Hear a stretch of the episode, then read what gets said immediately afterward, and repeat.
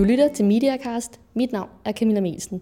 Hver uge tager Mediacast fat på de største nyheder i mediebranchen og dykker ned i et aktuelt tema.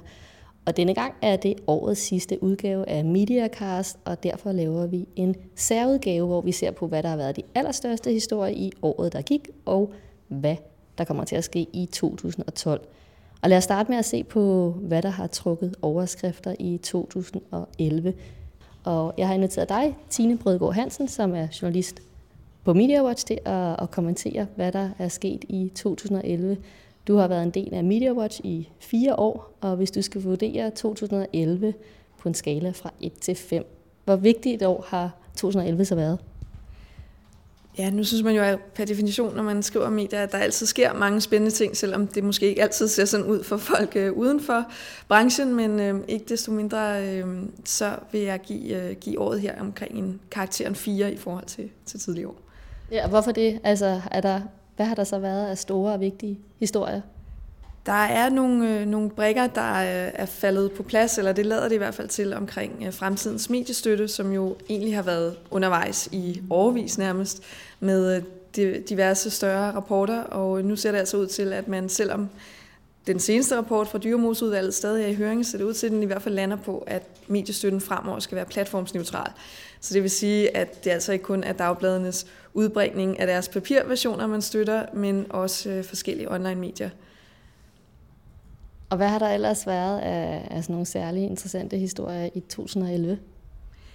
Det har øh, skabt en, en, en hel del opmærksomhed i hvert fald, og ret massiv medieomtale, at, øh, at Radio 24 7 er langt om længe gået i luften her 1. november, efter at øh, nogle politikere nærmest troede med, at det ville den ikke gøre, hvis det stod til dem, hvis de kom til magten, som Socialdemokraterne i hvert fald var inde på på et tidspunkt, og, øh, og den generelt har mødt meget modstand, men om igen, nu er den altså i luften, og, øh, og det er jo sådan set et, et monopolbrud på talk radio, øh, som... Øh, som må sige at være, være en spændende udvikling i årets løb, selvom den kommercielle betydning selvfølgelig kan diskuteres. Det er ikke øh, noget, der vender op og ned på mediebilledet på den måde. Den må jo ikke øh, bringe reklamer, og berlinske medier kan måske nok tjene en skilling på den øh, i løbet af årene. Det ved man ikke helt. Som Lisbeth Knudsen selv har sagt, kommer det også an på, hvor mange tekniske ting, øh, der bryder sammen undervejs, eller udgifter, de får af forskellige art. Men, øh, men det er i hvert fald heller ikke noget, der redder berlinske medier. Jeg tror, jeg, de fleste kan blive enige om, at de nu er en medejer af den her Radio 24 /7 men jeg tænker, også, spørgsmålet er, hvor stor en betydning har det egentlig, at der er kommet en ny radiostation? Altså hvis man ser på mediedækningen, så har den været rigtig massiv på Radio 24 og så er der kommet de her lidt interessante kanalchefer med, med Mads Brygger og Michael Bertelsen og Susanne Mold som, som nyhedschefen for, og Jørgen Ramskov som direktør. Så det er lidt en, en interessant klub og nogle interessante værter osv. Men hvilken betydning har det egentlig, at der er kommet en ny radio? Altså i dag øh, taler jeg med, med P1-chef øh, Judith Skriver, som jo øh, siger, at, øh, at øh, P1 morgen i hvert fald har gennemgået sådan en opstramningsproces, som hun nærmest kalder det, de måske skulle have været igennem alligevel, men som selvfølgelig bliver skærpet af, at nu er der altså kommet en konkurrerende radiokanal med en morgenflade, der ligger lige over for dem. Øhm, og, øh, og man kan sige, ligesom TV2 jo i sin tid også havde en utrolig, vil nogen i hvert fald mene, gavnlig eller stimulerende effekt på DR, så kan det jo godt være, at, øh, at Radio 24 også vil få det, øh, om ikke andet, så på sigt, for man skal jo lige huske, at den ikke har været i luften mere end nærmest øh, et par måneder, hvis det kan gøre det, så det er måske lidt tidligt allerede nu at fælde dom over, hvad den egentlige betydning bliver, men øh, rent journalistisk, mangfoldighedsmæssigt i nyhedsbilledet, der er det jo i hvert fald øh, øh interessant, må man sige. Og Berlingske er så en del af den her historie om Radio 24 Men Berlingske har også været en del af en anden stor historie i årets løb, nemlig den her om, om Ritzau.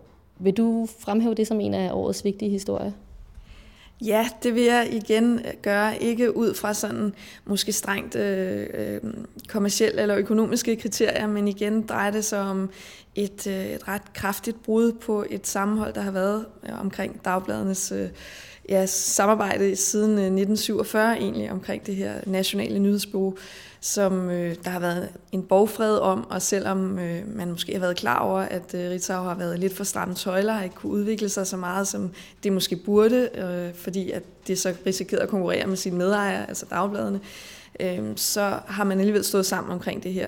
Men det, øh, den borgfred blev brudt via, at øh, Berlinsk Media trak sig ud, og det gjorde deres delejede selskab Jyske Vestkysten så også, og Bornholms Tidene, som Berlinske Medier så som en ekstra krølle på halen i dag også er blevet medejer af, og øh, som så selvfølgelig bliver kunde i det her nye nyhedsbureau, som jo er en udløber af hele den Ritzau-ballade, nemlig at øh, Berlinske Medier for at sikre sig en strøm af nyhedstelegrammer, som alle medier jo har brug for, simpelthen har oprettet sit eget øh, nyhedsbureau, der måske på sigt også skal til at konkurrere med Ritzau om, om Ritzaus kunder. Men en ting er, hvad du ser som de vigtigste historier, og også de andre på Media Watch-redaktionen, men noget helt andet er, hvad, hvad er det egentlig for nogle historier, der bliver klikket mest på på MediaWatch.dk?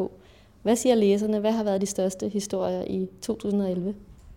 Vi opererer nærmest med et øh, begreb, der sådan hedder de, de tre F'er, som handler om fyringer, fængslinger og frække fotos. Det er altid noget, som giver øh, gode klikretter, og dem har der heldigvis været masser af leverancer i årets løb, eller heldigvis ser jeg lidt i godsetegn, fordi at øh, fyring er jo ikke på den måde øh, gode nyheder, men det er nyheder, der bliver øh, klikket rigtig meget på i hvert fald. Kan jo også være godt på længere sigt, kan man sige. Øh, Lykke Majs øh, øh, famøse foto, som nogen måske har set, øh, var også blandt dem, der, der virkelig blev klikket på. Og så øh, havde vi en, øh, en historie om en øh, fupforside på Alders øh, modemagasinet Ind, som øh, nogen har fabrikeret og, og sat i omløb. Øh, og det øh, var åbenbart også noget, der fangede læsers interesse i stor stil.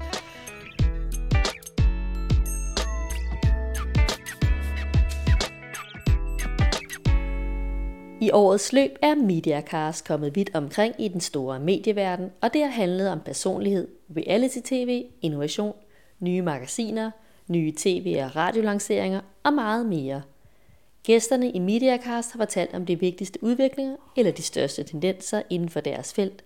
Og denne gang skal det handle om, hvad der bliver det allerstørste i 2012, og det har jeg fået fire kyndige mennesker til at svare på. Den første er en af de gæster, jeg talte med i 2011, nemlig den amerikanske tech-dronning Molly Wood. Hun er vært for den daglige podcast Boss Out Loud på CNET, og hun er kendt for at følge teknologiske trends på nært hold – så da jeg mødte Molly Wood i København, var det oplagt at spørge hende, hvad hun ser som årets største tech-historie, og hvad der bliver the next big thing i 2012.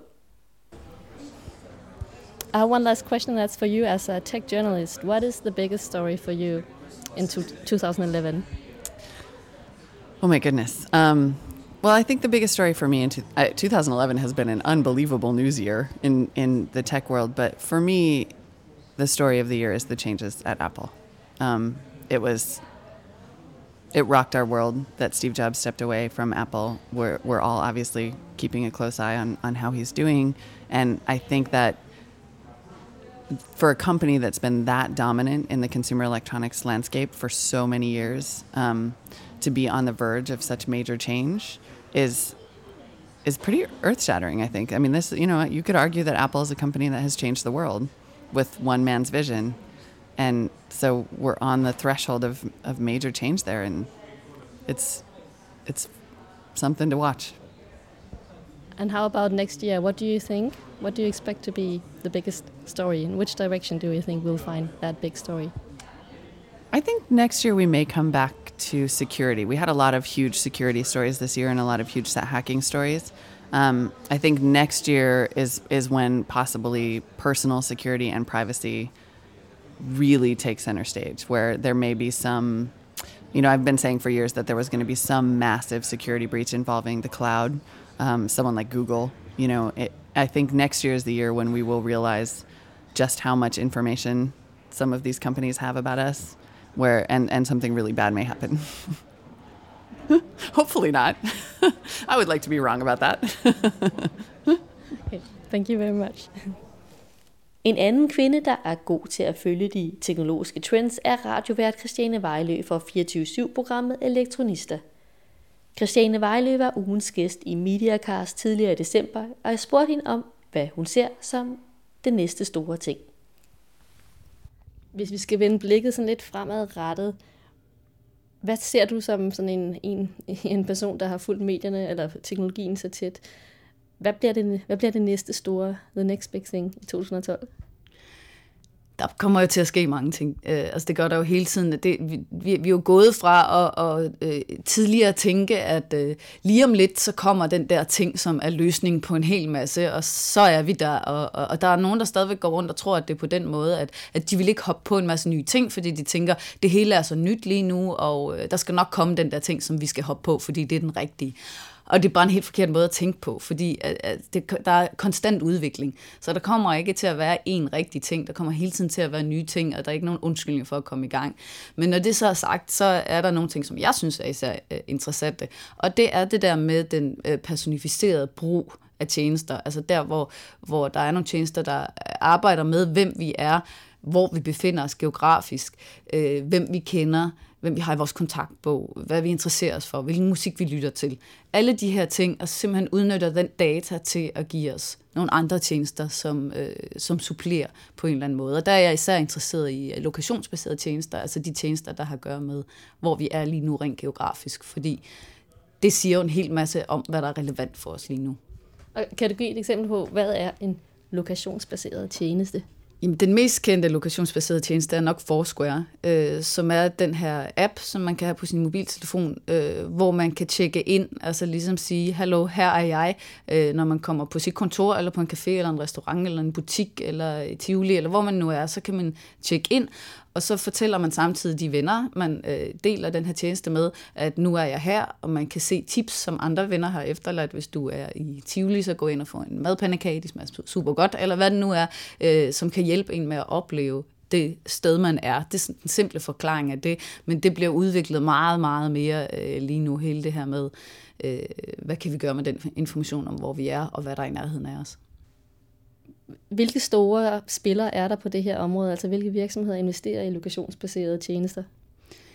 En af de ting, som vi har set for nylig, det er, at øh, Facebook, som jo er kæmpestor og meget dominerende, har opkøbt øh, den tjeneste, der hedder Goala, som er øh, noget, der minder lidt om Foursquare, altså sådan en lokationsbaseret tjeneste, øh, som man kan også tjekke ind på, og man, der er sådan en, det, man kalder gamification element i det også, at man kan samle nogle ting ind og stige graderne på en eller anden måde. Men det har, det, det har Facebook altså købt, og det siger jo også noget om, at, øh, at en stor spiller som Facebook, som i forvejen har det, der hedder Places, som er deres lokationsbaserede tjeneste, hvor man kan, hvor man kan tjekke ind på de her places, at de simpelthen har købt en ny tjeneste, øh, eller en eksisterende tjeneste, for at øh, strategisk arbejde endnu hårdere på det her område. Her på Media Watch-redaktionen har vi også taget krystalkuglen frem, og her kommer nogle kvalificerede bud på de største mediehistorier i 2012. Per Fanefjord Laversen, du er medieanalytiker på Media Watch og dækker især broadcast og hele det mediepolitiske. Hvis du skal se i krystalkuglen for 2012, hvad tror du så bliver ligesom den store historie? Vi har bedt øh, fire mediebyrågrupper om at kigge i krystalkuglen for os, og de siger til os, at der er et øh, omsætningssammenbrud på vej i 2012 på mediemarkedet. At øh, når de kigger frem med den usikkerhed, der er især i den europæiske finanskrise, så er der, øh, så bliver et medievæksten næste år igen 2-3 procent mod øh, 8 procent i år. Så det er altså en kraftig neddrosling af omsætningen. Og det går især ud over tv, som ellers har været en øh, sådan kriseresistent darling. At øh, tv-omsætningen lå i steg i år med 14-15 procent, men må regne med kun at stige 2 procent, sådan cirka, næste år. Så det er en kraftig neddrosling af øh, tv-markedet, øh, altså reklameomsætningen på tv-markedet. Hvem er det så, der bliver særlig ramt? Er det sådan alle øh, kommersielle tv? Alle, alle kommersielle tv-selskaber må forvente at blive ramt. Øh, Øh, TV2 står lidt bedre, fordi der er nogle særlige begivenheder. Øh, blandt andet bliver øh, spillemarkedet frigivet, og der kommer nogle nye penge, som TV2 især får gavn af. Og så er der altså også noget EM i fodbold og noget OL, som TV2 sidder med. Så TV2 står stærkt på den måde, men den samlede mængde penge bliver altså mindre. Betyder det, at alle broadcast-medier får en, en noget af en losing i 2012? Nej, ikke helt, fordi modsat øh, tv, så er radio inde i en øh, meget fin øh, omsætningsudvikling. Kæmpe vækst i 2011, og næste år står man også til en vækst på en øh, 12-15 procent, siger mediebrugerne til os. Og det er ikke så mange penge i antal kroner, fordi de kommer fra et lavt niveau. Men det er en flot vækst i et marked, der er gået lidt i baglås. Så det, det, er ikke alle, det går ikke ud af alle traditionelle medier i 2012? Nej, radio er en undtagelse. Du sidder også og dækker det mediepolitiske. Hvad tror du, der kommer til at ske i, i 2012? Hvilke historier kommer til at trække overskrifter? Jeg vil sige på den måde, det jeg synes er spændende, det er, hvordan den nye kulturminister han kommer til at agere øh, på de mediepolitiske, øh, med de mediepolitiske emner og udfordringer, han har. Han er helt ny. Han er en meget anderledes minister i forhold til, hvad vi ellers har haft. Jeg vil sige nogensinde. Øh, kommer fra en helt anden baggrund. Og hvordan vil han løse de mediepolitiske øh, løse ender, han skal arbejde med næste år. Og det gælder først og fremmest forhandlinger af en revision af mediestøtten, og det gælder også en mulig revision af de medieforlig, der blev lavet i 2010. Og det er meget svært at sige noget om, hvad vej men blæser på de her ting, for det er en ny minister, der har sine egne meninger. Øh, han har også nogle 117 øh, forhold, han skal tage, skal tage hensyn til. Uh, men det mest logiske er trods alt, at han forhandler en mediestøtte, en bred løsning for en ny mediestøtte på plads i foråret, så der kan komme et lovforslag efter sommerferien, og det kan træde i kraft 1. januar 2013. Og hvem står til at blive vinderne og taberne i 2012?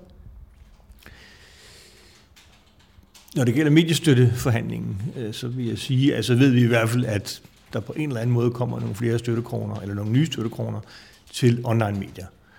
Men vinder og taber ellers, vil jeg sige, er stadigvæk meget op i air. Louise Resike, du er redaktør af Media Watch, og du skriver især om nye medier. Hvis du skal sådan kigge i spokhulen og sige, hvad der kommer til at ske i 2012 på, på det her område med de nye medier, hvad tror du så øh, bliver de største mediehistorier? Ja, men noget, der i hvert fald bliver rigtig spændende at se, det er omkring de her brugerbetalingsløsninger, som flere af netmedierne er på vej med, øh, både på lokalplan og også øh, landsdækkende aviser. De har alle sammen øh, brugerbetalingsløsninger liggende i skrivebordskufferne, som skal enten afprøves eller rulles ud her i det nye år. Og øhm, så det bliver et stort testår for, hvor øh, brugernes betalingsvillighed ligger henne, og hvor stor den er og alt det her. Men der har vist sig meget bred, rimelig bred enighed om, i hvert fald her i 2011, at, øhm, at nu skal det altså være slut med at forære journalistisk kvalitetsarbejde væk på, på internettet. Så, øhm, så det bliver rigtig spændende at se, hvordan det kommer til at folde sig ud. Lisbeth Knudsen har også tidligere været gæst her øh, i Mediacast og har udtalt, at øh, 2011 bliver ligesom gennembrudsåret for brugerbetaling øh, for Berlingske. Nu siger du, at 2012 bliver teståret. Bliver det også et gennembrudsår? Ej, altså jeg tror ikke, der kommer sådan en gennembrud på indtægtsmæssigt, altså omsætningsmæssigt. Jeg tror hele det her med, at man ligesom får sporet sig tættere ind på, hvor er det, vi kan begynde at tage betaling henne, og hvor, hvor ligger brugerne i forhold til det her. Altså der tror jeg, man vil se et gennembrud, også i forhold til at få udviklet nogle modeller, nogle forskellige, øhm, så det ikke bare er at købe en pdf-avis på, på nettet, eller altså at man både får udviklet nogle nye formater, altså nogle nye måske indholdspakker, som man kan købe, øh, øh, som, altså simpelthen finde ud af, hvad, hvad kan vi sælge til folk. Øhm, og der, altså helt bestemt så har 2011 ikke været et, et gennembrud på den front, og jeg tror også for Berlingske har det været et, øh, et, et år, hvor man har samlet erfaringer, Øhm, og en af de erfaringer, de i hvert fald har gjort sig, øhm, har de også meldt ud, det er, at, at det, der virker, det er sådan set ikke stykbetaling, så man går ind og køber en enkelt artikel, men, øhm, men de vil gerne hellere tegne abonnementer, så at give for eksempel 30 kroner om måneden for at kunne få adgang til, til låst indhold. Øhm, og, jeg, og jeg tror også, at det er noget af det, vi vil se fra de andre mediehuse, at, altså at man kan købe sig til nogle abonnementsordninger. Et af de, øh, en af de emner, der man også har snakket en del om her i de senere år, det er øh, nye platforme, altså tablets, der kommer op og, op og vende og sådan noget. Hvordan, hvordan tror du, det, det kommer til at blive i 2012? Vil vi se endnu flere nye platforme, eller, eller er der nogle særlige platforme, der, der vinder igennem på mediefonden? Jamen, altså det, det virker meget som om, at hvor netop iPad og, øhm, har været meget i fokus, også i altså forventningerne til iPad og hvad man kunne på den mediemæssigt, var høje for et år siden, at så har fokus mere rettet sig mod øh, smartphones nu. At øh, alle kigger på, at det måske er der, det, kommer, det nye kommer til at ske rigtig meget, fordi at altså, den er blevet meget, meget mere udbredt. Rigtig mange danskere har en smartphone i dag, og priserne på at gå på internettet er blevet meget billige, altså det er blevet lavere priser. Så, øhm, så der er bare et stort potentiale der, og, øhm, og det bliver måske i virkeligheden der, at man kommer til at se øhm, en revolution frem for, for på iPad'en. Øhm, det er i hvert fald noget af det, man hører, når man taler med kilder, det er, at, at, den her, at, at nu skal det, mobil, det mobile gennembrud for det første, at det er kommet rent trafikmæssigt, og nu gælder det altså om at finde ud af, hvordan man øh, kapitaliserer på det. Øhm, men det tror vi vil se ret mange forsøg på også i det nye år. Og hvis vi lige skal få en fornemmelse af, hvad det er, vi har i vente i 2012, hvem er så first movers på, på mobilen? Hvem, hvem kommer til at virkelig være i front på det mobile gennembrud? Jamen, det, så vidt jeg kan se, så er Ekstrabladet i hvert fald godt i gang med at gøre et forsøg, og de har sat både kræfter af, øh, både salgsmæssigt og udviklingsmæssigt på, og, øh, og få annoncørerne, give annoncørerne nogle gode muligheder for at, øh, at komme ind på det marked. Øh, og så tror jeg måske også, at altså, det, jeg, nu har vi lige talt med eBay i Danmark, som har udviklet en meget interessant applikation, som også øh, henvender sig til mobilbrugerne og smartphonebrugerne, øhm, og som er sådan en, en ny form for tilbudsmobil, hvor man får øh, et tilbud genereret på mobilen, som er lokationsbestemt. Det vil sige, hvis du går ned i, i en bestemt gade, så kan du måske lige pludselig så kan du se, hvilke tilbud bageren rundt om hjørnet har, eller, øh, eller om der er tøjbutikker, der holder ophørsudsalg få gader væk. Så de her lokationsbestemte tjenester, tror jeg også er noget af det, der vil blive... Øh, blive sat så meget på. Øhm, men både, altså ikke kun online, redaktionelle online medier, men også altså i høj grad de kommercielle netmedier, som, som Den Blå Avis for eksempel. Det var alt, hvad vi havde på programmet i årets sidste udgave af Mediacast. Jeg håber, du lytter med, når Mediacast er tilbage i det nye år. Tak for i år, og rigtig godt nytår.